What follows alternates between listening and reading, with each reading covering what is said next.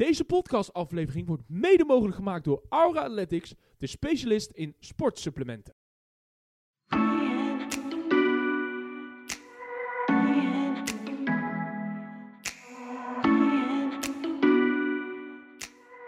Beste luisteraars van FC Taarmut, welkom bij de twaalfde aflevering van dit seizoen. En eh, ja, we misten eentje jongens. We misten er weer één. Hoe kan dit toch Dus steeds? Onze linksback is afwezig. Ja, onze linksback is Ja, alweer. weet je, het is hij heeft gewoon een blessure opgelopen. Ja, En we, onze medische staf is hard mee bezig om er terug te komen. Dus ik hoop heel snel dat eh, onze eh, linker... wij hebben veel afwezigen en veel blessures. ja, Elke keer. Maar één man... Het lijkt wel het Nederlands elftal. Ja, maar één Ja. iemand die er altijd is, is deze presentator. We hebben kip curry gegeten. Oh, dat, is dat het? Ja. nice. Ja, lekker. Met, met of zonder brood? Met. Oké. Dus eh, jongens, we gaan even een kleine round-up doen van de laatste weekend. Laatste Eredivisie weekend met Ajax, Feyenoord AZ, PSV, Twente met het doelpunt Rijke 3-3. En eh, dan pakken we gelijk daarna ook even de Interlands erbij. Nederlands elftal door naar het EK. Godzijdank. En eh, Frankrijk die een uh, monsterscore neerzet. Record Een record. 14-0 in EK. tegen San Marino. Gibraltar.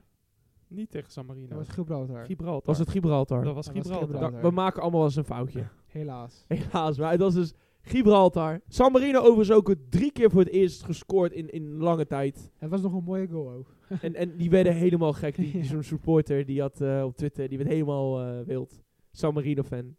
Je zou er maar fan van zijn. Dan Hetzelfde als Luc met dan Sparta. heb je weinig te vieren. Grapje Luc. Wat zei je Aaron? Aaron, Rico. Ja, het gaat- sorry. Het gaat wel goed vandaag met jou. Het gaat heel goed, ik ben een beetje moe. Maar dat, maakt, dat gaat de pret niet bederven natuurlijk. Ja, het is zondag ook. Hè. Het is zondag, jongens. Dit keer nemen we een keer op zondag. Omdat we allemaal even eh, er wat tussendoor hadden. Dus eh, ja, jongens, laten we, beginnen. laten we snel naar de materie gaan, heren. Dus we hadden vorig weekend.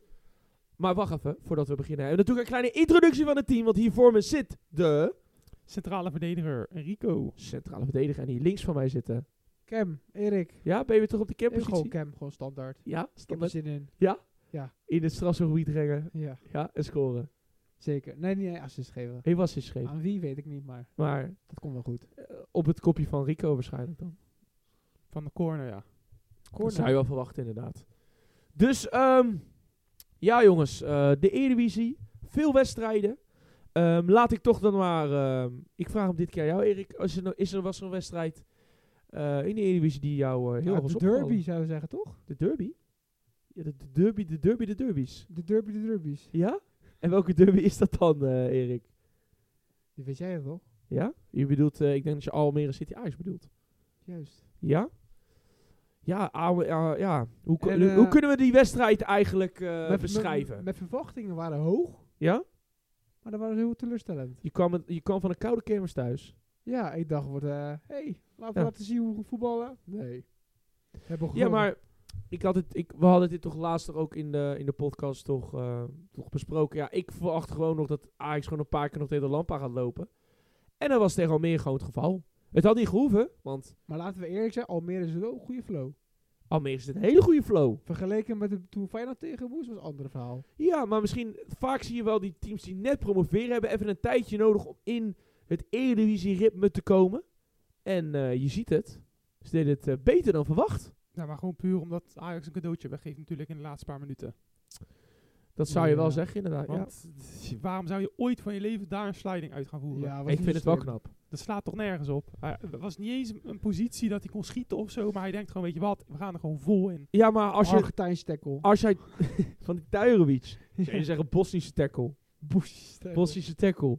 Maar als je twee stappen terug gaat, is Bobby toch degene die daar eerst het balverlies leidt.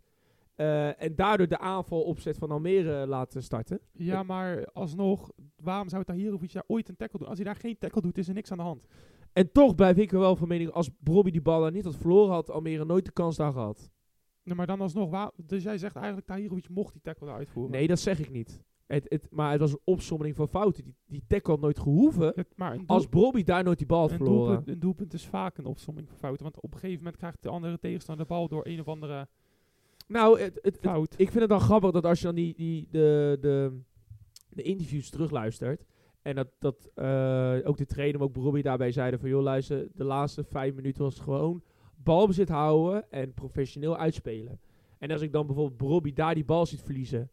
eh, en dan daaruit die aanvalsopzet komt en daardoor die tackle... Tuurlijk, het is een opsomming van fouten en de, de, de kerst op de taart is die tackle. Maar Robbie had die bal daar niet hoeven verliezen. Want als hij hem gewoon doortikt, dan heeft Ajax een kans. En heeft waarschijnlijk Almere nooit meer die kans eh, die ze later in de minuut eh, hadden. Maar je zag wel, en dat vind ik wel het grappige, dat die jongen daar die tackle neerzet. Want je zag aan alles dat die jongen uiteindelijk hem ging uitkappen. Dat zag je aan alles. In de manier hoe hij liep, in, dat was ook de enige mogelijkheid om te doen. Dus ik begreep niet zo goed waarom Tahivus dan daar die tackle Het uitzet. slaat sowieso nergens op dat je daar überhaupt een tackle probeert. Want ten eerste, het is in de Je hebt strafstopgebied. er niks aan. Ten tweede, hij stond niet in een positie om te scoren. Dus het is ook niet om hem te blokken of iets dergelijks. Nee. Er stonden genoeg mensen van Ajax nog omheen om eh, paasmogelijkheden af te dekken. Dus als je gewoon ervoor blijft staan en gewoon zeg maar, niet erop afhapt. En gewoon rustig kijkt wat hij gaat doen. Juist. de- ik snap het niet. Dat leer je toch al bij eh, van jongens af aan. Ja, maar ik, ik, ik, ik vind het gewoon verrassend. Want Ajax heeft gewoon over het algemeen gewoon die vijf minuten gewoon niet professioneel uitgespeeld. Dat, is ja, eigenlijk wat je kan concluderen. Omdat Ajax ook natuurlijk nog geen geheel nog steeds is. Het wordt wel steeds beter, maar het is nog steeds gewoon... Je merkt vanaf het begin af aan, het is, moet nog steeds een beetje naar elkaar toesmeden. En wat Van het Schip ook zei, als je Van de Bomen niet hebt, dan heb je een heel onervaren middenveld van gemiddeld 20 jaar of zo. 21, 20 jaar. Ja, daar kan ik op zich daar En- best in vinden. Van, van de Bomen was natuurlijk ook, ehm, hoe heet het, die was geblesseerd, dus die kon niet meedoen. Eh, hij is ook degene die dan op het veld vaak mensen coacht. Want hij is ja een van degenen die ouder is en die ook zeg maar, zijn mo- zijn mondje niet eh, thuis laat. Ja. En eh, bijvoorbeeld iemand als Bergman, die is ook wat ouder, maar die hoor je niet zoveel op het veld. Maar zo'n iemand als Van de Bomen, die is heel belangrijk dus gewoon om in het veld aanwijzingen te geven aan bijvoorbeeld zo'n Tahirovic, dat hij zulke dingen niet moet doen. Nee, maar weet je, weet je, wat, weet je ook wel daarin vindt? Je, had, je zag zoals beelden voorbij komen op ESPN. Dat wanneer Almere in de opschakeling kwam, dat er gewoon een soort 5-0-5 eh, opstelling op een gegeven moment gewoon eruit kwam. Omdat die middenvelders gewoon niet mee terugliepen. Dus dan had je er gewoon, eh, eh, laten we zeggen, de vier middenvelders en de CVM, die heb je gewoon achterin staan. Dan had je dan die drie aanvallers en de twee middenvelders erachter en die eens voorin staan. Had je gewoon een hele zaal van ruimte gewoon op het middenveld. Ja, dan, dan dat is zeeën, dat, dat, dat, dat, ja, dat, dat is bijna zo mooi. Ja, ze missen gewoon ervaring op het middenveld die het een beetje bij elkaar houdt. Want op het moment is het gewoon, zonder Van de Bomen is het gewoon echt eh, drama op het middenveld. Ja, eh, dit, dit, dit kost gewoon heel veel tijd. En zoals ik al zei, Ajax gaat gewoon nog een paar keer tegen de lamp aanlopen. En dit is ook zo gebeurd. Nou, maar als ze van de winter gewoon ook nog een ervaren kracht erbij halen op het middenveld, ik denk dat het dan wel redelijk Gaan ze goed denken gaat van zitten. middenveld? maar de vraag is, kunnen ze het wel betalen? Want Ajax heeft nu niet... eh, dat kunnen ze wel alsnog betalen. Dat- Want ze hebben alsnog qua verkoop hebben ze alsnog wel... ja, maar dan moeten ze wel nu twee spelers verkopen om dan zo'n speler te kunnen halen. Ja, maar nou, dat kan toch ook? Want Ik je- denk, het, het ligt niet aan betalen. Het ligt aan, wilt iemand wel op dit moment naar Ajax Want, nou, een ervaren speler zou gewoon kunnen. Rico, Wie? Noem maar een speler van die op. aankopen die nu zijn gehaald, wie, wie denk je dat in de winter sowieso gaan vertrekken? Nou, maar ze zeggen bijvoorbeeld Bergwijn wordt gelinkt aan een vertrek voor bijvoorbeeld al 40 miljoen. Dat is gewoon Ja. winst alsnog. Tuurlijk. Dus iedereen zegt nu wel leuk van, eh, ze hebben geen ge- vermogen meer, dit niet, dat niet. Maar alsnog, die, sommige van die slechte spelers, kijk naar Bessie, die kunnen alsnog weer verkocht worden voor hetzelfde Ik bedrag. zeg, ik zeg niet dat Ajax geen geld heeft, maar Ajax moet wel verkopen in de winter. Ze hebben nu niet eh, dat ze straks, eh stel we de, je gaat de winst op in, je verkoopt niemand. Ze hebben niet nu, nu een zak geld om daarvoor nieuwe Nee, spelers te halen. Ze moeten iemand verkopen. Ge- om- geen zakgeld om iemand te halen van 20, 30 miljoen, maar iemand van 5 miljoen of zo, of een free transfer. Dat heb je natuurlijk ook nog, dat kan gewoon makkelijk natuurlijk. Ihatare. Dus je, Nou ja, kunt- je, je kan, je toch ook creatief gaan shoppen naar iemand met wat meer ervaring. Die hoeft niet per se gelijk mega goed te zijn, maar gewoon iemand met ervaring die ook op het middenveld kan staan. Bijvoorbeeld als een Van de Bomen afwezig is. Je hoeft niet per se gelijk voor een top, topspeler te gaan. Want op dit moment is het gewoon... Stro- zeg je nou stroomman? Kevin Strootman. Die kan niet eens meer belopen, man. Want, want op, dit, Ervaren speler. op dit moment is het gewoon ook niet top bij Ajax. maar ze hebben gewoon wat ervaring nodig op het middenveld wat je ziet. Want als Van de Bomen wegvalt, heb je gewoon niks.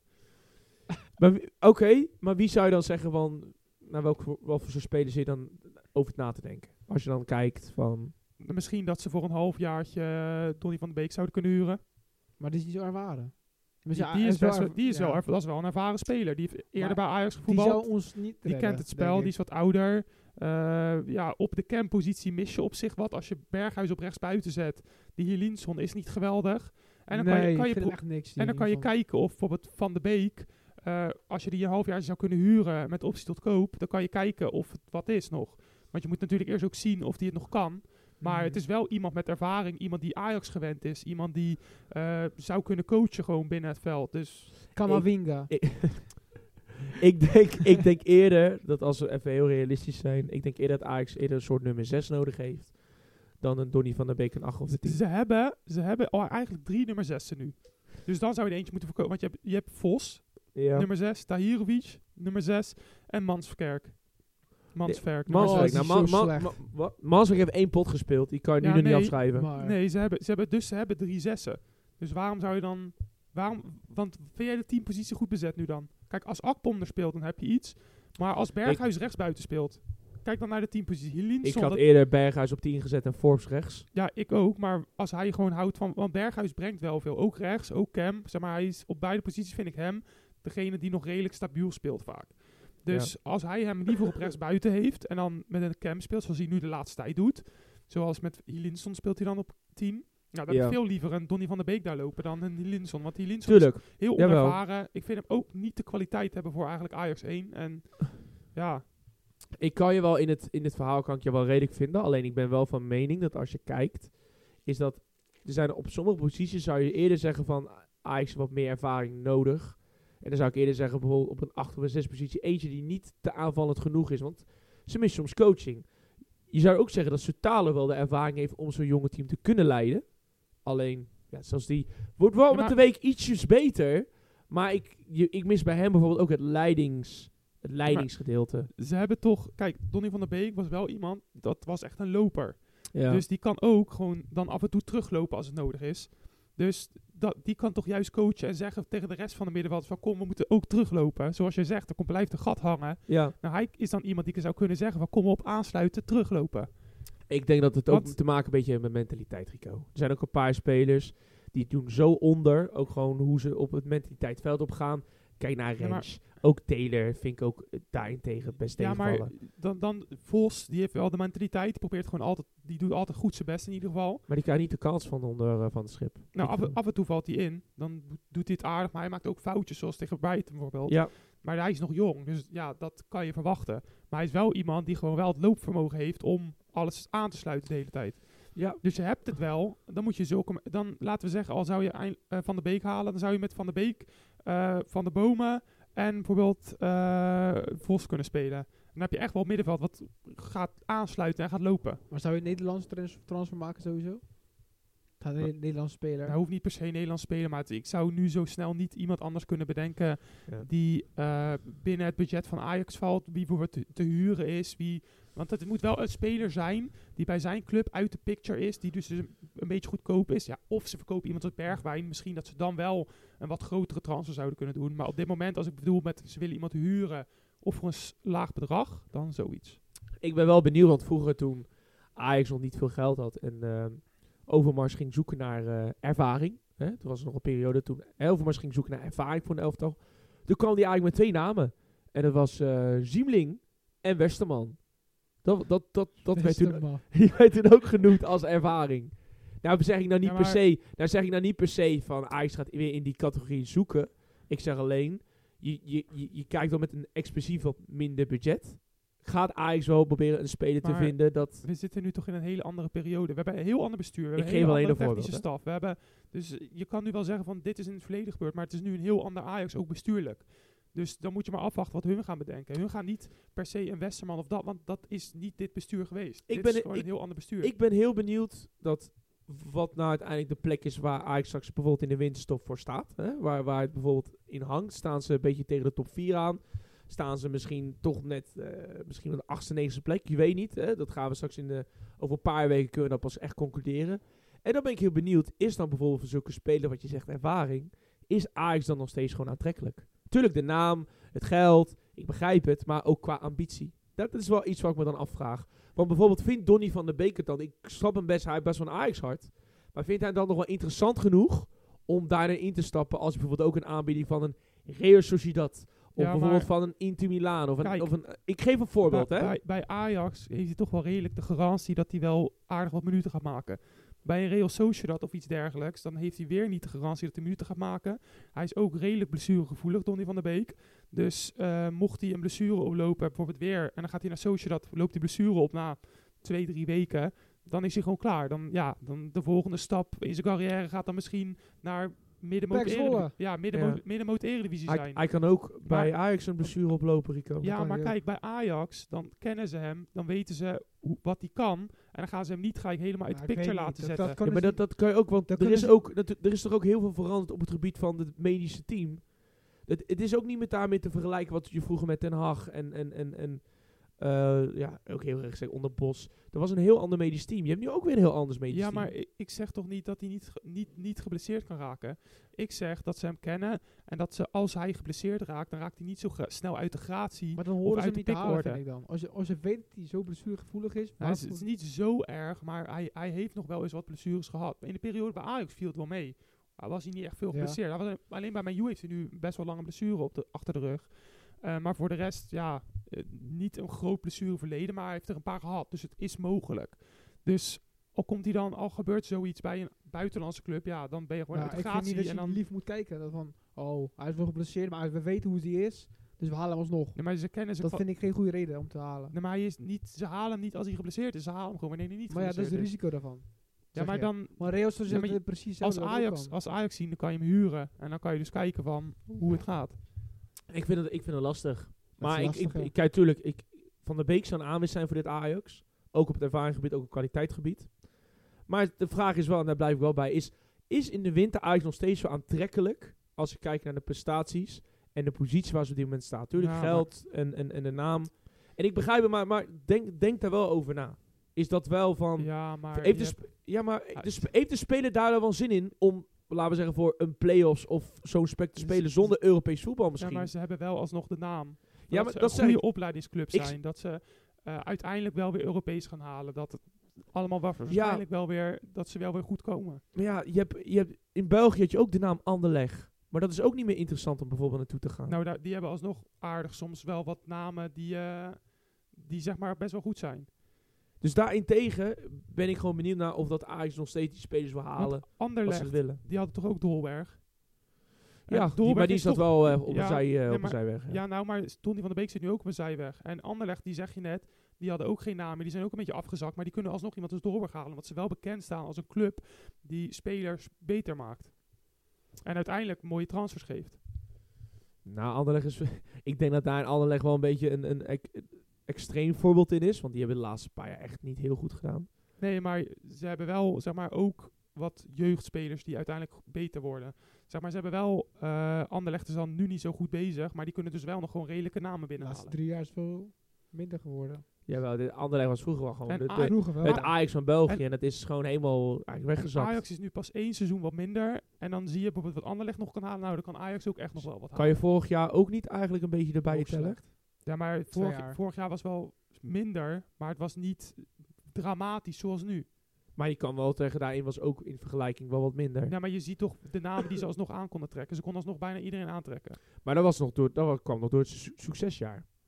Van de succesjaren wat onder Nee, maar viel. waarom zouden ze dan nog naar Ajax willen als ze niet zo goed presteren, kan je ook zeggen. Maar alsnog wilde iedereen naar Ajax. Omdat, Nee, maar dat was, dat was toen nog om het feit dat... eh daar hebben ze toen nog allemaal van de succesjaar van ten acht gehad. Hè.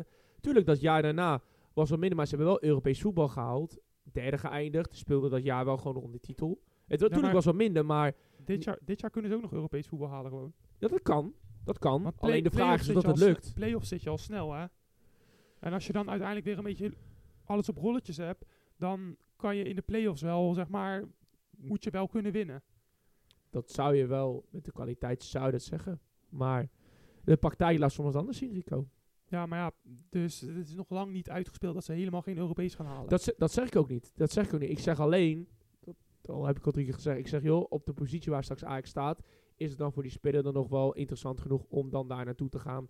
Weten dat je misschien alleen voor de play speelt of alleen voor dit. En dat je weet dat het om opbouw is. Dat is alleen mijn, eh, alleen wat ik zei eigenlijk. ja, maar ja, dat was dus van de winter, van de, van de zomer ook. Ja, het komen leren, maar dat was niet iets van wat toen, wat nu is. Je had niet verwacht dat het zo naar beneden zou zakken. Nee, maar toen wisten ze ook van alle grote spelers zijn weg. Zelfs waren weg. Zo, echt iedereen was er toen weg. En alsnog konden ze genoeg mensen aantrekken. En ze hadden Europa League, geen Champions League. Door de data van Mislintat. Nee, niet door de mis niet. dat. Door de data van Mislintat. Dus ja, het, het, het, ik, ja, ik ben benieuwd wat de komende, de komende weken krijgt Ajax geloof ik nog Marseille uit en AEK thuis. En eh, eigenlijk op zich wel redelijke potjes uit het rechte rijtje.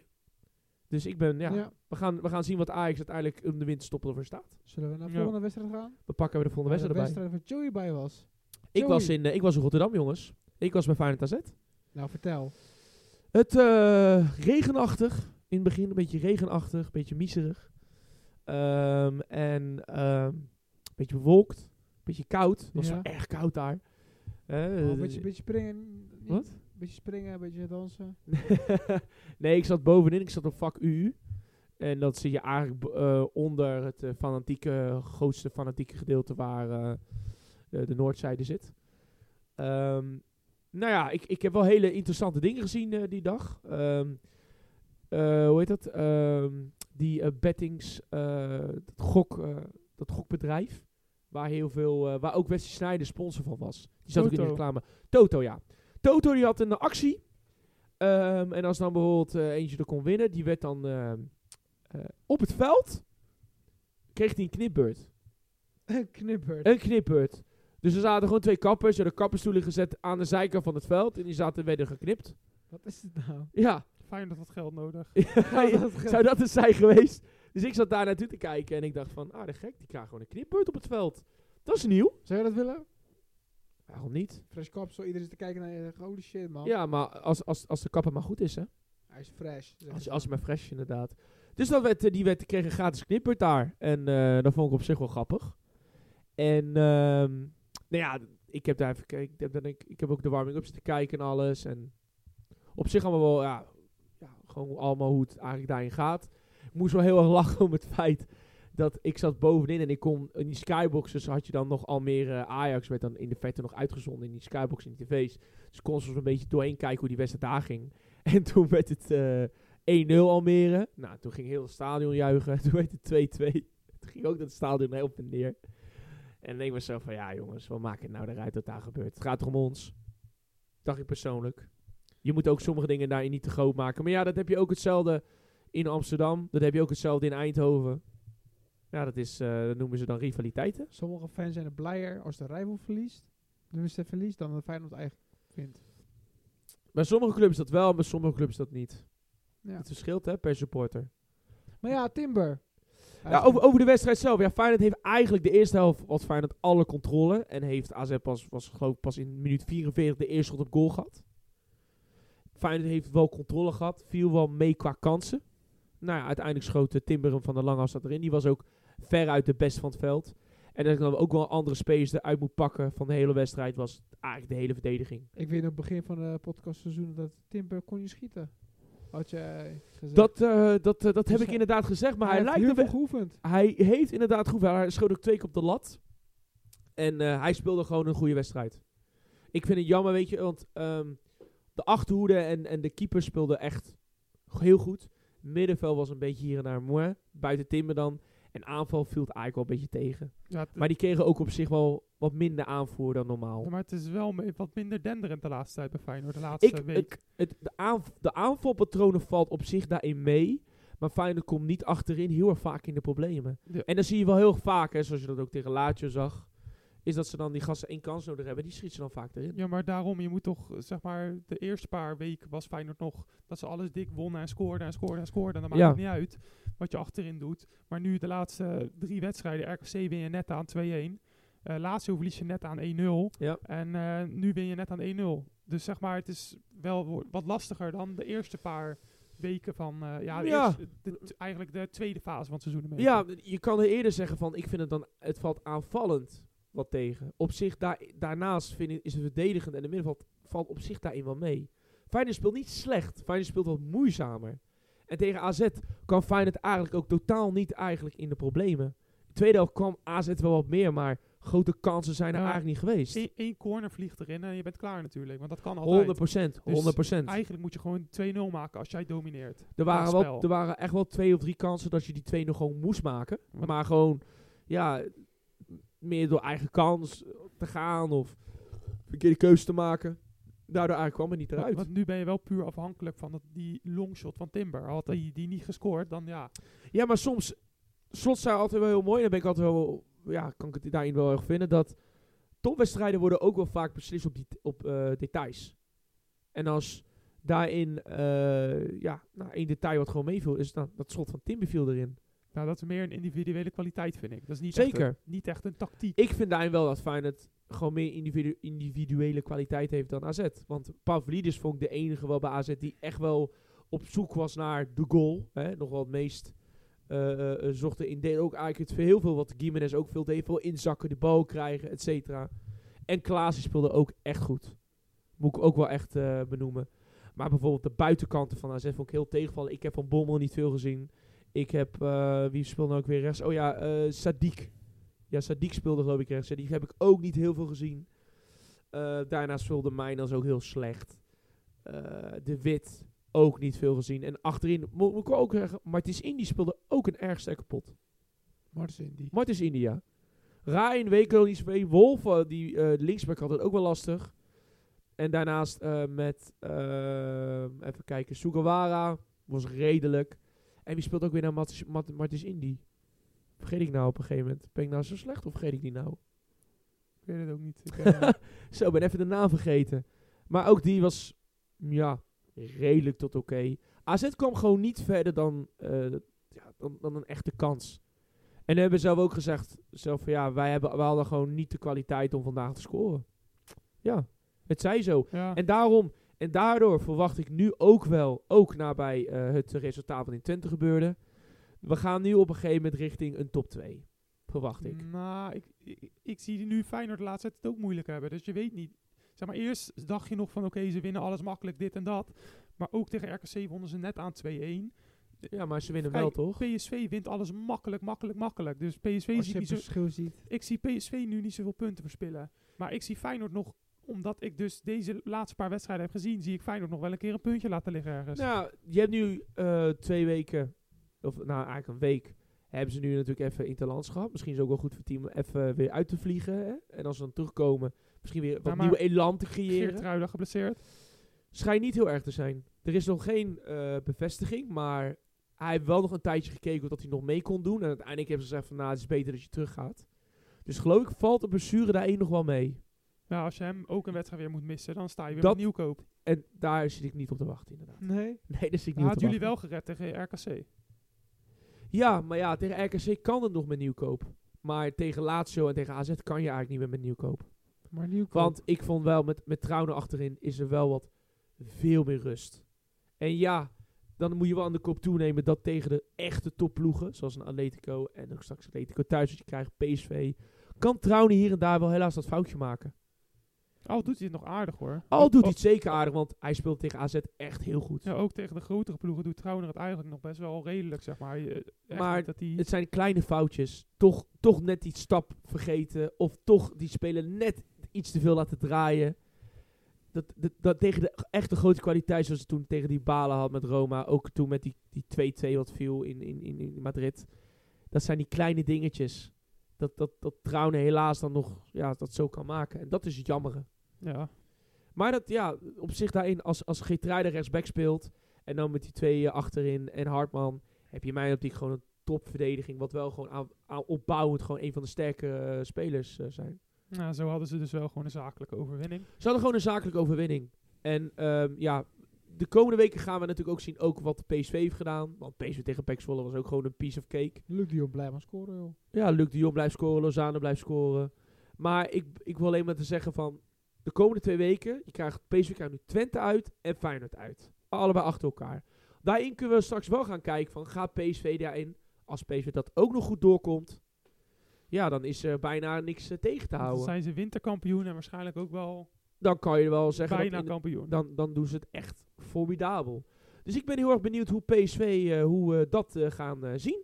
Zeker weten. En ehm, daarbij bedoelde ik eigenlijk van, joh, als die bijvoorbeeld tegenvalt, dan kan het zomaar zijn dat je straks op een gegeven moment richting een top 2 gaat. Dus dat Feyenoord en PSV om die titel strijden. Ja, maar als PSV die allebei wint, dan ga je naar een top 1. Dan ga je wel zeggen dat PSV echt een slag slaat en echt wegloopt op de rest. Ja, maar dan Gaat- staat, dan staat, PSV wel Champions League door. Ja. Ik denk het nu wel, nu ze van Lens hebben gewonnen. Ze moeten nog Sevilla winnen eigenlijk. En dan, Sevilla uit en Arsenal zit- thuis. dan zitten ze wel aardig goed. Maar ze al- ze allebei verliezen niet, toch? Nou, ze allebei verliezen niet, maar ja. Ik Gaat, zie- gaat dat een impact hebben op Eredivisie? Als de Champions League doorgaan? Dat is de vraag. ja, maar dat ja, is echt de dat, vraag. dat is ook de vraag bij Feyenoord natuurlijk. Dat is hetzelfde. Die zit ook nog Ja, Europees. kijk, PSV Ja. nu, kijk, de, de, de kleine de teams onder de top 5 is gewoon op dit moment geen maat. Want PSV tikt langs iedereen doorheen. De Pek Zwollers van tegenwoordig worden gewoon eh, met twee vingers in de neus, of misschien zelfs op 80, 70 procent gewoon weggetikt. Ehm, en, en, en daarbij eh, hebben, hebben ze, vinden, ze, vinden ze gewoon heel makkelijk het net. Ze hebben voorin gewoon zoveel individualiteiten. Als Langzag terugkomt, eh, dan, heb je, dan, denk ik, dan ben ik heel benieuwd hoe hij het aanvallend gaat neerzetten. Ja, Met, met Lozano, met, met Lang, met Bakayoko, met De Jong. Misschien gaat hij wel op een gegeven moment ook zelfs richting een soort... eh, eh, dat hij bijvoorbeeld eh, als Lozano zo'n soort hangende spits gaat zetten of zo. Zal ik er laatst op te denken. Dan heb je echt een hele snelle voorhoede. Misschien tegen een team dat je bijvoorbeeld een beetje teruggetrokken wordt. Zo. Hè, dat je dan misschien niet met De Jong speelt. kan echt een aanval maken, zo bi- kan je u kunnen En, zeggen. en Ja. Til is ook wel goed in vorm de laatste tijd. Ja, maar Til, Til wordt nu ook gebruikt in zijn, in zijn kracht. Wat hij Ja, ook onder slot werd gespeeld. De loper. Ja. En dan maakt hij heel veel goals. Dus Til is echt goed bezig ook nu. Til eh, wordt gedaan gewoon heel als de loop, als de druk zetten. Als Schuiten het ook wel goed.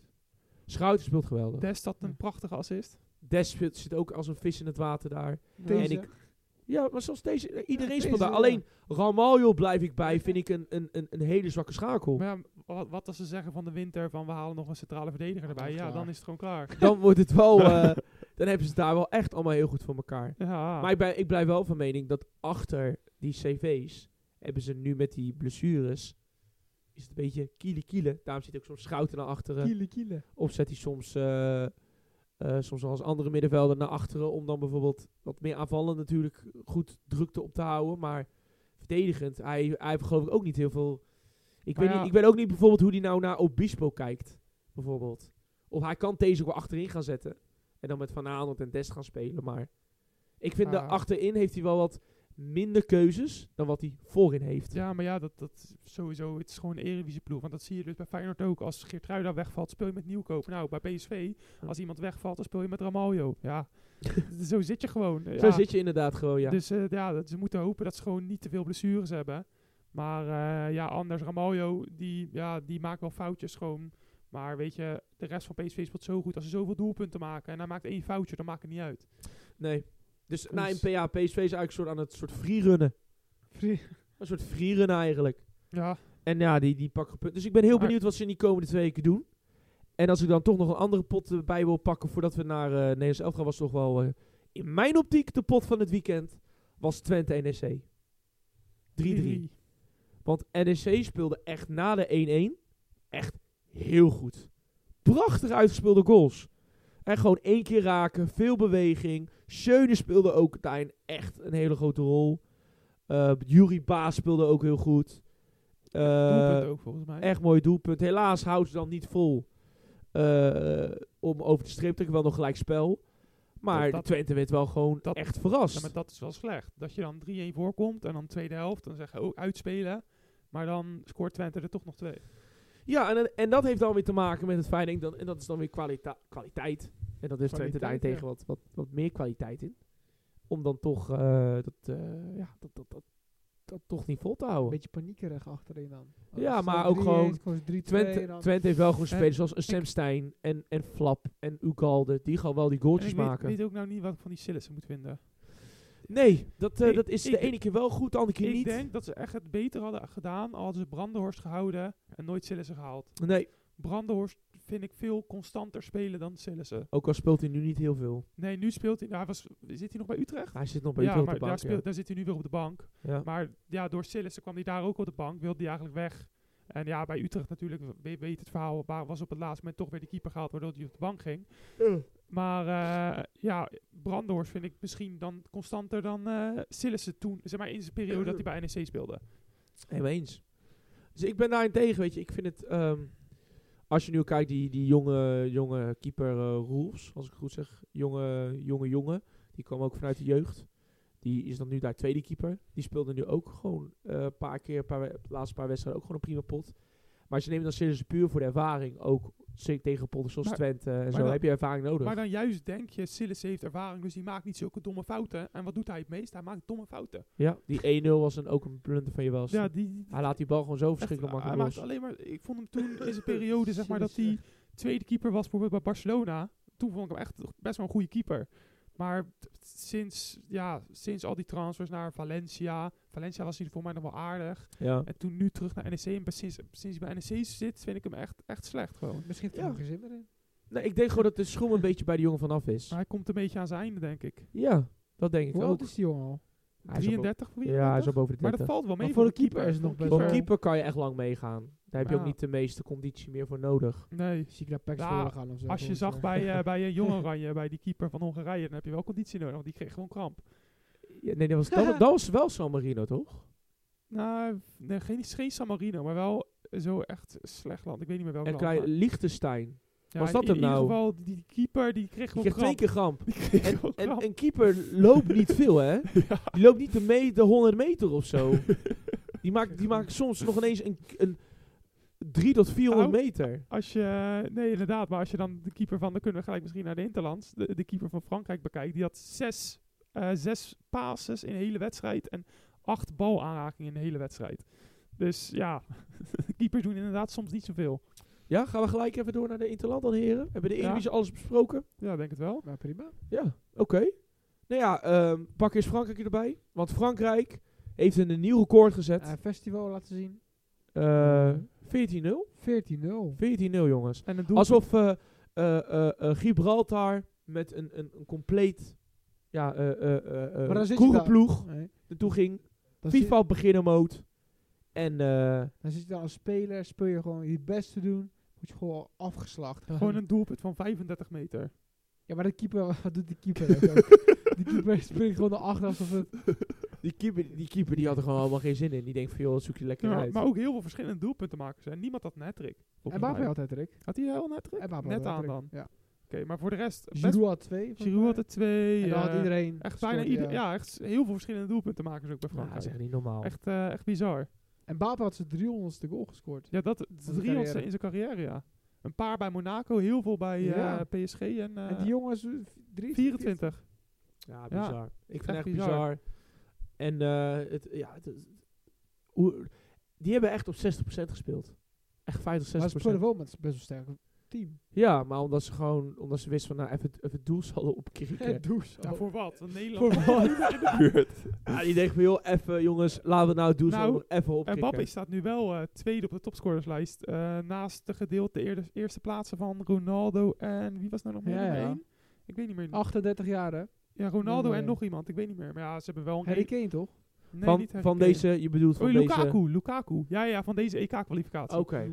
Lukaku? Lu- en, wel eh, goed te doen. en. Ronaldo staan eh, nummer 1. En dan staat Mbappé nu nummer 2 met 9 doelpunten. Eentje eronder. Dus ja, misschien Kilian, daarvoor. eh Kilian being een Kilian. ja, zeker. Maar het was echt, het, ik zat echt met verbazing naar te kijken. Weten ook wel dat het echt, eh, maar ze hadden, ook- ze hadden ook gewoon rustig gewoon, het, het bizarre is aan Frankrijk, die hadden ook gewoon het tweede of het derde team erin kunnen zetten. En die hadden ook gewoon gewonnen. Ja, maar ja, Frankrijk heeft ook echt bizarre keuzes natuurlijk. Die kunnen gewoon een tweede team meedoen, Ja, een derde team, zelfs een vierde team. En die doen nog allemaal gewoon nog mee om de titel. die zijn echt goed hoor. Echt. Dat is echt niet normaal. En dan heb je nog een paar bestuurs daar nog ertussen zitten. Dat is... Hè, met, met Toucha Mendy, die viel geblesseerd uit. Kamavinga. eh, ja, ik, denk, je hebt zoveel keuzes. ik denk ook wel weer dat wel, dat wel echt de topfavoriet is voor het EK weer. Daar eh, blijf ik, ja, voor, e- voor het EK 100%. Ja, want EK heb je Portugal geen... geen wel. Portugal ook nog wel, die, maar die niet de topfavoriet. Ik vind Frankrijk wel echt Turkije, de top, jongens. topfavoriet. Turkije. Turkije, Turkije doet echt goed, hoor. Die winnen van Duitsland. Maar ja, wie wint er niet Ja, van Duitsland? dat is waar. Nee, ik is eigenlijk afgekapt. Wat is wat ik, gebeurde eh, bij Duitsland? Ik ben van mening dat eh, inderdaad, Frankrijk is voor mij natuurlijk toch nog favoriet. En ik sluit Portugal ook niet uit. Die vind ik echt nog steeds Portugal is ook wel goed. echt sterk. Ehm, en daaronder heb je dan Engeland, Frank, eh, Engeland eh, Spanje, Ja, Engeland is ook goed hoor. Spanje, Nederland schaar ik zelfs Nee. daaronder nog. Daaronder onder, ja. nog. Ne- Nederland Ja. is een underdog. Ja, ja, is een underdog. Maar ik bedoel van kanshebbers. Dan zeg ik eh, daarbij Engeland, Spanje, ehm, eh, Duitsland. Duitsland, nee. Duitsland ook niet. Als je Nou. ziet, ze verliezen alles joh in die Kroatië oefenwedstrijden. wel. Ja, Kroatië doet het altijd ook wel redelijk goed. Want Noorwegen I- gaat niet mee. Italië, Want- Italië jongens. Italië ook niet vergeten. Want terug te komen op Erik's vraag, wat vind je nou van Duitsland? Wat, wat, wat zitten die nou te doen de hele tijd? Ze hebben Ja, elke oefenwedstrijd bijna verloren. Na Nagelsman is een soort professor, hè? En die gaat nu allemaal dingen testen.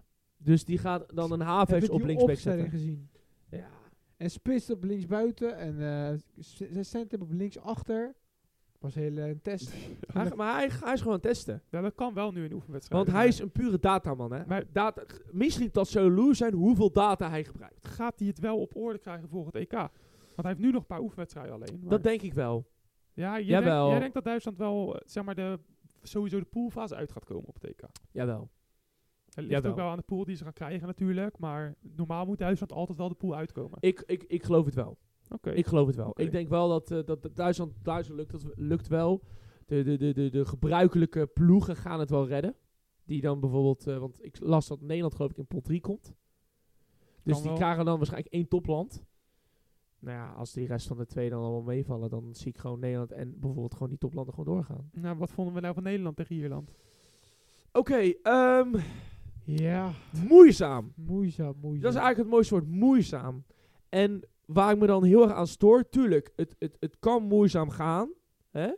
Uiteindelijk tellen dan ook daarin gewoon de winst. En daar ben ik het ook mee Want ze eens. zijn wel gekwalificeerd nu We zijn gekwalificeerd.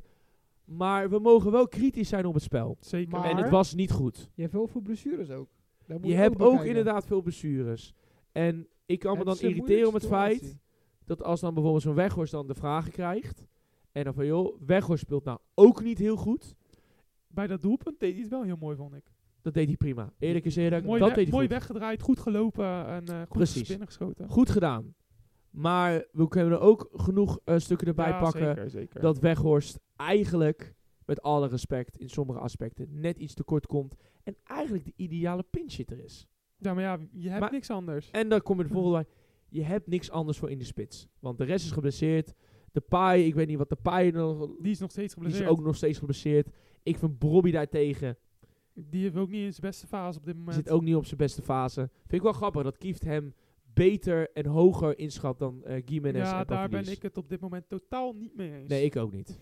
Ik, nee, ik ook niet. Met alle respect. Ik zie wel de potentie in Bobby, hè. Laten we Ja, dat maar er buiten zijn. Hij heeft potentie. Maar dit zeggen we al drie jaar over Bobby. Wanneer komt die potentie eens eruit? Ja, Eens. helemaal, he- ben ik het helemaal mee eens. Want het gaat ook om goals, hè. Ja, En die andere twee maken gewoon heel veel goals. als je Bobby zag in die tijd van Ten Hag, dat hij Toen tweede speelde spits was achter Haller. Toen speelde hij Toen zag je toen dacht je echt, Bobby gaat echt een topspits worden. Ja. Maar als ik hem nu zie, dan denk ik, ja, nou, kan die wel echt het niveau aan wat iedereen denkt? En nu, ik vind dan Bobby dan, dan weer te veel zijn kracht gebruikt. Ja, dus te veel, sowieso. te veel Hij, leunt ja, op dat hij zo'n krachtige hij speler is. hij zoekt eh, te veel In op. plaats van... een- je mist bij hem eigenlijk het, ja, de horniness voor de goal. Het geld, eh, dat hij geld voor de goal is. Dat, dat zeggen vaak die Hij- trainers ook wel eens. Ik mis dat bij Ja, hem. Hij zoekt gewoon te veel het duel op. Hij moet gewoon ook Hij moet juist veel makkelijker Hij- hij heeft- vrijzoeken. Hij heeft snelheid, hij kan dribbelen. Hij kan wel de bal even vasthouden, maar je moet niet alleen maar die verdediger gaan opzoeken. nee. Het- Het is ook zo, sommige mensen zeggen ook, ja, Bobby krijgt wel veel tegen.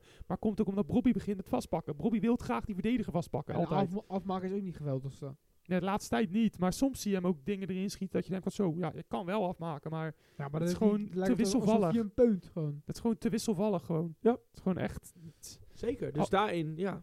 ja. Dus, eh, hij is ja. daarin gewoon te wisselvallig. Maar het zou wel fijn zijn voor het Nederlands elftal als hij zich nog kan ontwikkelen. Want voor het Nederlands elftal, ja, je hebt niet veel anders. Je hebt Depay, maar Depay heeft best wel wat blessures. En ja, Depay die zou je ook, als je zeg maar Bobby echt goed zou worden, zou je Depay ook nog op de flank kunnen zetten natuurlijk. Ja, bijvoorbeeld. Malen, Of twee spitsen systeem. Kan ook dan nog misschien. Malen kan ook in de spits. Wat zei je? ja, Malen. Malen kan ook. ook wel in de spits, ja. Maar ik ben, ook, ik ben meer fan van, dan voor van Malen in de spits bijvoorbeeld. Ik denk dat we op een gegeven moment wel richting een, een aanval gaan met Gakpo. Oh, die kan ook nog in de spits. Die Gakpo kan ook, natuurlijk in de spits. Valse negen. Gakpo, ehm, je zou dan eerder zeggen Depay. Kan ook met Malen. Rechtsbuiten ben ik wel, eh, vind ik wel interessant iets. Nou, als Berghuis fit is en goed speelt, zeg maar, weer en Ajax zou weer in de flow zit, vind ik hem nog wel. Nou, ik zou Maar eerder... ook, hoe heet die Simons? Als je hem niet op de cam zet, dan zou je gewoon Simons rechtsbuiten zetten. Prima, precies Simons. Of ik zou zelfs denken misschien... Maar dat is ook niet echt zijn positie. Is bijvoorbeeld lang. Zou die dat Ja. kunnen? Noah moet je gewoon links zetten. Je moet Ja, je als links zetten. ja. Maar bijvoorbeeld zeggen, Simons vind ik, dat vind ik veel Simons meer... is, ja, ja. Dan is, maar dan moet je kijken of je met een hangende rechtsbuiten wil gaan spelen. Ik vind dat je oprecht bij Nederlands elftal moet gaan kijken naar een creatieve aanval en een creatieve middenveld. nou, Simons is hartstikke creatief. Ja. Eh, dus ik ben dan daarin, en dan zou ik eerder weer gaan spelen met Reinders. Reinders dan op 10. En dan eh, met Frenkie de Jong dan eerder dan, laten we zeggen, 6 of 8. Eén, één van die twee. Ik denk dat Veerman daarin nog niet klaar genoeg is. Dus ik zou zeggen, ja, of je gaat inderdaad met eh, Frenkie de Jong op een 6 of een 8 spelen. En daarnaast heb je dan nog een creatieve man. Oh. En dan zou je eerder zeggen of Schout of Wiever. En wat denk je dat, eh, wat dat Koeman gaat doen bij het, bij het EK? Dat- Gaat hij spelen met vijf verdedigers of met vier verdedigers? Want hij wisselt nu af en toe een beetje af. Ja, dat is de vraag. Dat is echt de vraag. En ik, je moet hem daarin ook wel gewoon eh, de keuze zelf geven van ja, wat, wat vindt hij? Ehm, als je kijkt naar de verdedigers dat wij hebben, dan zou je eerder zeggen dat wij wel gewoon alle, alle wat wij gewoon met vier verdedigers zouden kunnen spelen. In, daar, daar, daar hebben wij gewoon de kwaliteit voor. 100%. Ja, zeker. Ik zou dan eerder zeggen, als we nu naar, naar dat EK dan gaan. Je zou gewoon met vier verdedigers kunnen spelen. En dan bijvoorbeeld met een Hartman links of een Gitruida rechts. Of heel gek gezegd, of met Timber. Als Timber dan weer zou je terug dan is. hè. Frimpong niet meer spelen? Of, of Frimpong ook. Maar- Vergeet ik ook natuurlijk Frimpong. Dat kan wel. je hebt ook de CV's. Ja, maar je, je kan natuurlijk ook zeggen, omdat je, je hebt niet echt buitenspelers, ook niet echt rechtsbuiten en zo. Dat mis je nog een beetje bij het Nederlands elftal. Waarom je dan met vijf verdedigers gaat spelen? Omdat je dan eigenlijk, eigenlijk speel je een soort van met drie verdedigers. Dat je 3-5-2 speelt. Dat zeg maar, Hartman die is aanvallend goed. Eh, en rechtsachter heb je twee keuzes, Dumfries en Frimpong. Die zijn al, aanvallend ook allebei echt geweldig.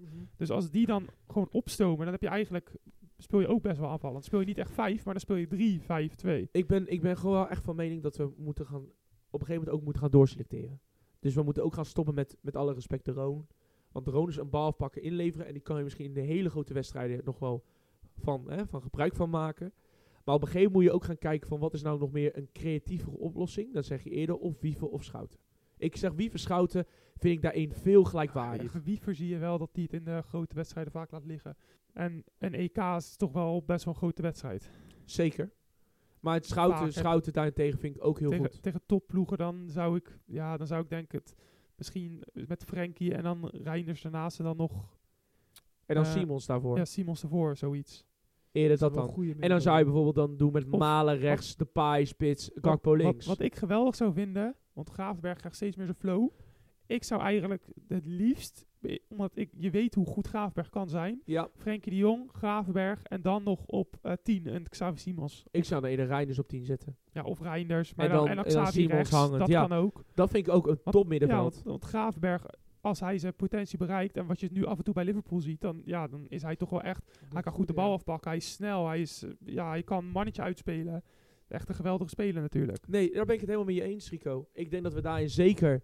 eh, we hebben echt wel de spelers Ja, om bij de Maar- toplanden te horen. Alleen het, het, het loopt soms niet naarmate wij het willen. ja, en gewoon veel blessures, zoals een Depay mis je Ja. echt zwaar. Noah Lang mis je ook echt wel. Ja. En ik denk, Eh, ook, Ja, ik denk ook dat op een gegeven moment na dit EK... dat we ook op een gegeven moment moeten toch gaan denken naar een, een, een, een nieuw centrum. Is dat je op een gegeven moment Van Dijk ook moet laten gaan. Want Van. Dijk komt ook op leeftijd. ja, maar Ik vind hem soms echt tegenvallen, Rico. Van Dijk is wel echt een leider, hè? Hey, van de Ven gaat echt de toekomst worden. ja, in maar mijn optiek. ja, Links. Van Dijk is nu nog wel echt de leider van het team. Hij is ook degene, hij neemt gewoon tegen Griekenland toen. Hij is degene van, weet je wat, oké, we hebben al een penalty gemist. Ik neem nu gewoon de penalty en ik doe het gewoon. Dat begrijp ik. Maar op een gegeven moment, als zijn kwaliteit naar beneden gaat, moet je ook keuzes durven maken. Maar ja. Ik denk persoonlijk, wij kunnen later echt, bijvoorbeeld heel gek gezegd, met een verdediging van een Hartman, eh, Van de Ven, Jurien Timber of De Licht en Geertruida rechts. Dat is een verdediging en met voetballend vermogen, met verdedigende kwaliteiten en heel veel snelheid. Daar kan je echt met vier man, kan je gewoon echt diep spelen op iemand, op een, ja, op, een- op een tegenstanders helft. Dus Ja, een maar dat is echt wel de- zijn. ja. Dat Ja, is wel echt de toekomst. Ja, maar ik denk dat Van Dijk nog niet zo ver is dat je hem nu al moet doorselecteren. Hij is... Nog niet. Nee, Maar op de duur gaat het wel gebeuren. Ik- ik- Voor de. WK misschien dit wel. WK haalt hij nog. Ja, dit Van EK, Dijk, wel, 100%, jawel. WK 100%, ook. WK ook. WK speelt Van Dijk nog, maar daarna zou ik hem door gaan selecteren. Maar het ligt er ook aan hoe hij dan eraan toe is natuurlijk. Dan is hij toch rond de 34, 35 jaar, toch? ja, Ja, nee, dan moet je inderdaad... ja, eh, maar ik denk dat hij het WK echt tot dan kan hij echt wel makkelijk nog mee. Ja? De, de Virgil van Dijk. Want hij wordt ook wel heel kritisch bekeken. Hij heeft gewoon één seizoen bij Liverpool was hij gewoon zo bizar goed ja. dat iedereen hem steeds met dat seizoen vergelijkt.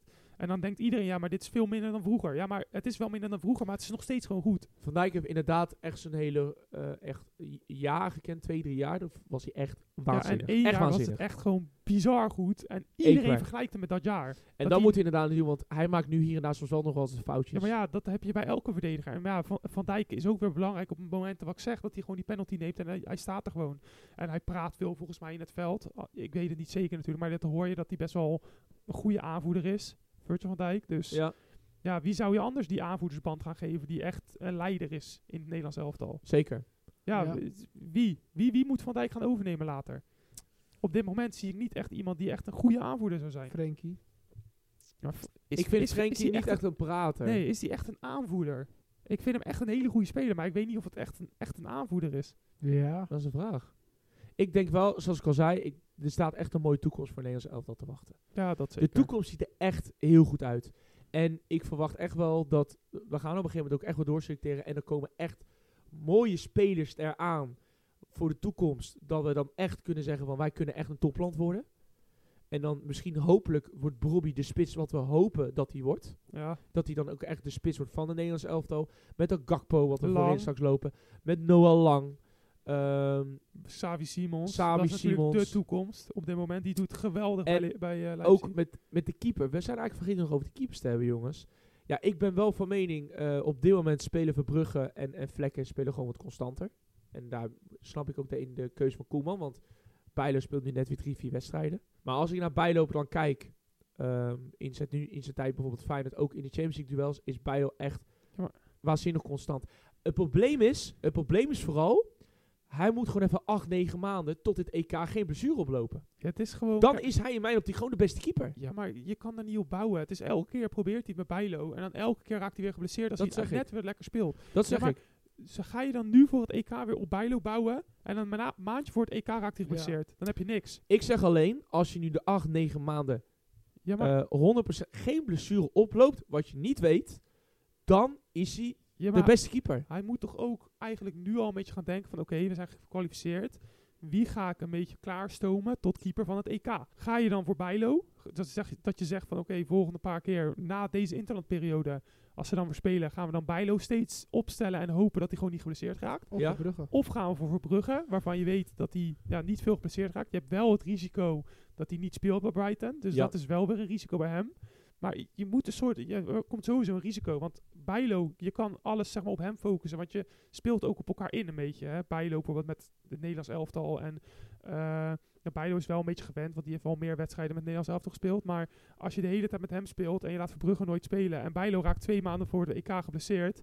En dan moet Verbrugge opeens. Ja, dan is hij niet echt lekker ingespeeld nog met zijn teamgenoten, zeg maar. Ja, ja het, ik vind wel, op, ik denk op opbouwniveau is Verbrugge en Bijlo wel heel vergelijkbaar. Want ze hebben beide natuurlijk een trainer die alleen maar constant de opbouw willen. Hè? Eh, Slot heeft een, even een opbouwvorm. Die Zerbi heeft een even andere opbouwvorm. Dus daarentegen heb je wel twee keepers die opbouwend, met de verdediger wat je hopelijk later hebt, is perfect. Alleen, dus de vraag is later, is hoe zo'n team het, eh, ja, laten we zeggen, een beetje het, het erin kan zetten. En wat je zegt, ik denk dat we op een gegeven moment nu, als dit eh, EK klaar of dit eh, EK-kwalificaties klaar zijn, moeten we eigenlijk gaan bouwen naar, laten we zeggen, een vaste vorm Ja, om daarin te trainen. Ja. En ik ben het wel met je eens dat op een gegeven moment, ik denk dat Bijlo oprecht wel de beste keeper is van de drie. ja maar ja, Alleen, je, wat je zegt, risico. er, is, er zit gewoon helaas een risico aan. Bijlo gaat vaak in heel veel duels gewoon vol 100% erin. Wat soms zijn lichaam gewoon, denk ik, niet aan kan. Dan Ja, is hij weer zijn pols, En dan hij, is, dit. ja, en hij is gewoon heel blessuregevoelig. Want je hebt genoeg Ja. keepers die er ook zo in gaan en gewoon nooit geblesseerd zijn. Nee, en dat is helaas de pech wat die jongen heeft. Terwijl het echt, als hij fit is, Ah, is is, zonde ja. als hij fit is, is het een waanzinnige keeper. Echt. Pakt hij echt punten voor je. Ja, maar daarom, elke keer proberen ze het opnieuw. En elke keer wanneer eh, die echt nodig is, is hij geblesseerd. Dus ga je het nog steeds doen? Of Ja, zeg je nou, nu is het een keer klaar ja geweest? ik, ben, ik ben het op Want zich ik vind, hij, tuurlijk, hij is de beste. Hij is ook nog verreweg meer ervaren dan die anderen bij het Nederlands elftal. En in grote wedstrijden. Ja. Maar het is gewoon lastig. Want je, je kan niet opeens, eh, hoe heet die, Verbrugge voor de leeuwen gooien. één maand voor het EK of zo. Dat hij nul ingespeeld is, ja, dan gaat hij geen, waarschijnlijk geen goed EK keepen. Nee, ik, ehm, ik vind daarentegen dat ehm, als, je, als we kijken naar het... het ik, sowieso Vlekken, Verbrugge en Bijlo zijn de drie keepers die straks mee moeten. Daar ben ik het dat 100, daar ben ik het 100% Ja, mee eens. Als, Die hebben de als meeste ervaring. Als ze niet allemaal geblesseerd zijn en ze doen gewoon het ding wat ze nu aan het doen zijn, zijn dat inderdaad jouw drie keepers. Bij alle drie Europese ervaring. Nou, twee daarvan die spelen eh, op Europees niveau elke, elke week. Nou, de ander speelt elke week Champions League. Nee, elke week Champions League. Maar die speelt Champions League niveau. En is daarin wel een van de dominantere keepers in Nederland. Dus daarin heb je genoeg keuzes. Alleen de vraag is daarin, welke is daarin de constante en past ook het beste in het team? En ik denk dat daar in je verdediging ook heel belangrijk is. Zeker. Ik ben, ik, ben, ik ben echt van mening, is dat ook bijvoorbeeld Dumfries heeft ook heel veel goed gedaan voor dit Nederlands elftal. Maar op, zelfs op Dumfries moet je ook op een gegeven moment gaan doorselecteren. Nou, maar die is ook nog lang niet ook aan die belangrijk Hij is, soms. hij is nog redelijk jong ook, hè, Dumfries. Hij is pas 26, 27 of zo. Nee, ik bedoel niet per se door. de- maar hij is in vergelijking met eh, eh, de achterhoede die je hebt, hij heeft gewoon wat zwaardere voeten. Zwaar. Ja, heeft wel zwaardere ja, maar hij voeten. stoomt wel het is door. wel een stomer, maar ja, weet je, ik, Frimpong daarentegen is ook een is- alleen die is wat, wat veel Het- maar creatiever. Kijk, het is gewoon een hele lastige kwestie op rechtsachter, want het zijn allebei goede rechtervleugelverdedigers. Geertruiden kan ook daar. Ja, maar dan vind ik, zeg maar, bij- in een vijfmansverdediging vind ik sowieso Dumfries of eh Frimpong beter, want die zijn 100%, aanvallend, Ja. aanvallend Ja. echt geweldig. Nee, daar, kan- daar, daar kan ik het op En- zich wel eh, vinden, ja. En eh, ja, je- misschien in een viermansverdediging is wel Geertruida, ja, die kan verdedigen natuurlijk goed zijn werk doen. Frimpong en Dumfries misschien iets minder dan voor het Geertruida, want Geertruida is ook gewend om centraal te staan. Ja. Maar eh, ik vind het wel lastig van, ja, Dumfries doet echt goed bij Nederlands elftal. Hij heeft de meeste assisten in de kwalificatiereeks. Eh, volgens mij zelfs van bijna alle ploegen. En eh, sowieso van het Nederlands elftal.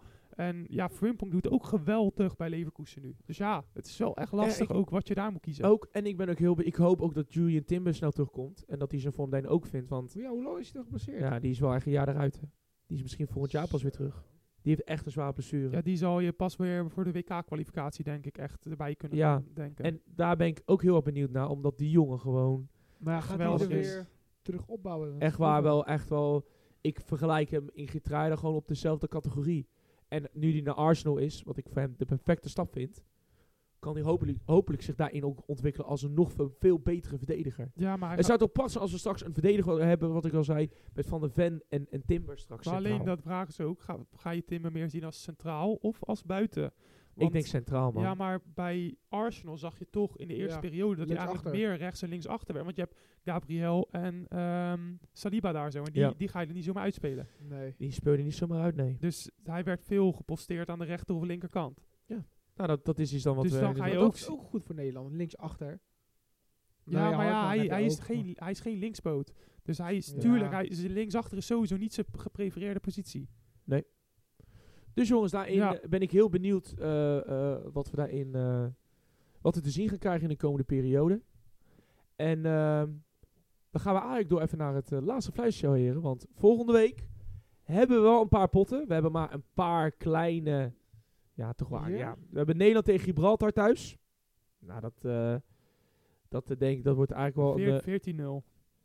Zei je 14? Ja, de, de, kans, de kans is redelijk aanwezig. Nee, ik denk, eh, nee, dat, ik denk niet zo gek als Frankrijk. ik denk maar 2-0, 3-0. ja, het, eh, er komen wel leuke potjes aan. Ik denk wel, ehm, als we nou heel snel eventjes de, kwali de kwalificatie dingen erbij pakken. Nou ja, eh, Schotland en Spanje gaan door. Frankrijk en Nederland gaan zo goed als door. Engeland en Italië, die zijn door. Eh, Turkije en Kroatië, die zijn door. Eh, Albanië en Tsjechië. Nou kan Polen het nog wel doen. Alleen dan moet Tsjechië verliezen en Polen moet winnen. Gaat niet gebeuren. Met Tsjechië moet niet meer tegen een hele moeilijke. Nee. Eh, Oostenrijk en België zijn door. Eh, Hongarije en Servië. Eh, Denemarken en Slovenië. Slovenië heeft het ook heel goed gedaan. Kan alleen nog, kan wel nog door eh, Kazachstan ingehaald worden. Denemarken heeft ook wel gewoon een goed team, vind ik. Dus één van die twee, maar... Daar is, wat zei je, Rico? Denemarken heeft ook wel een goed team. Denemarken, ja, dat, ik zie dat niet als een, een, een, een, een underdog per se. Misschien een heel kleine Nou, outsider, maar is wel altijd ik- wel... Ik vind Denemarken niet heel erg onderdoen, denk ik, voor Nederland. Qua, Nee? Omdat hun zo goed op elkaar ingespeeld zijn vaak. En je Dat ziet is ze ook vaak op van die eindtoernooien echt goed presteren, vind ik. Dat is waar. En Nederland vind ik nou ook niet per se... Zwitserland altijd, Oostenrijk. Ja, dat is echt zo'n gewoon land wat altijd, ja niet altijd, maar vaak presteert op eindtoernooien. Juist. Nee, ik, eh, ik, ik, ik kan je daarin zeker volgen, Rico. Ehm, dan hebben we nog Roemenië en Zwitserland zijn door. En eh, als laatste Portugal en Slowakije. Ja. Dus dat zijn teams dat ehm, ik eh, heel erg benieuwd naar hoe het, hoe het eruit gaat zien. Maar we gaan wel eigenlijk wel echt leuke landen zien in dit zeker, EK. Zeker. Leuke landen. Met misschien een paar uitschietjes hier en daar, maar wel gewoon de toplanden zijn er weer bij. Ja, alleen Noorwegen gaan we missen. Ja, alleen Haaland, door gaan we weer. Een van de beste Geloof ik spelers. is de laatste En week, Eudegaard. en geloof ik is de Zo, laatste... ze hebben best een goed team, toch? Ja, vooral, het, is- het is wel het grootste gedeelte is natuurlijk Eudegaard en Ha-. Haaland. En ze hebben gewoon een moeilijke pool gehad. Want Schotland, eh, ja, die, Ja. ja, maar maar- ja, dat is ik daar. had wel verwacht dat Noorwegen boven Haaland Schotland zou blessure maar opgelopen. Klopt dat? Dat weet ik niet. Tegen, volgens, mij, eh, volgens mij wel, maar... Maar in ieder geval, ja. We gaan het volgende week inderdaad zien. Ja, Volgende week dus de laatste potjes. En eh, dan gaan we voorbeschouwen weer op eh, de Eredivisie en de Champions League, Europa League, Conference League. Want er gaan, eh er gaan wat dingen beslist worden dan, jongens. zeker, zeker. Dus ik eh, kijk weer Dus, erg uit eh, naar volgend weekend. Als het allemaal weer een beetje terugkomt. ja, de interlandperiode is toch wel vaak eh, qua voetbalgebied eh, de minder eh, spannende periode. Zeker. Dus eh, jongens, eh, we gaan het zien deze week. Zeker. Dus eh dan wil ik jullie allemaal bedanken voor, eh, voor het luisteren. En eh, Erik, eh, dan zeggen we tegen de kijkers, Tot volgende keer. tot volgende keer.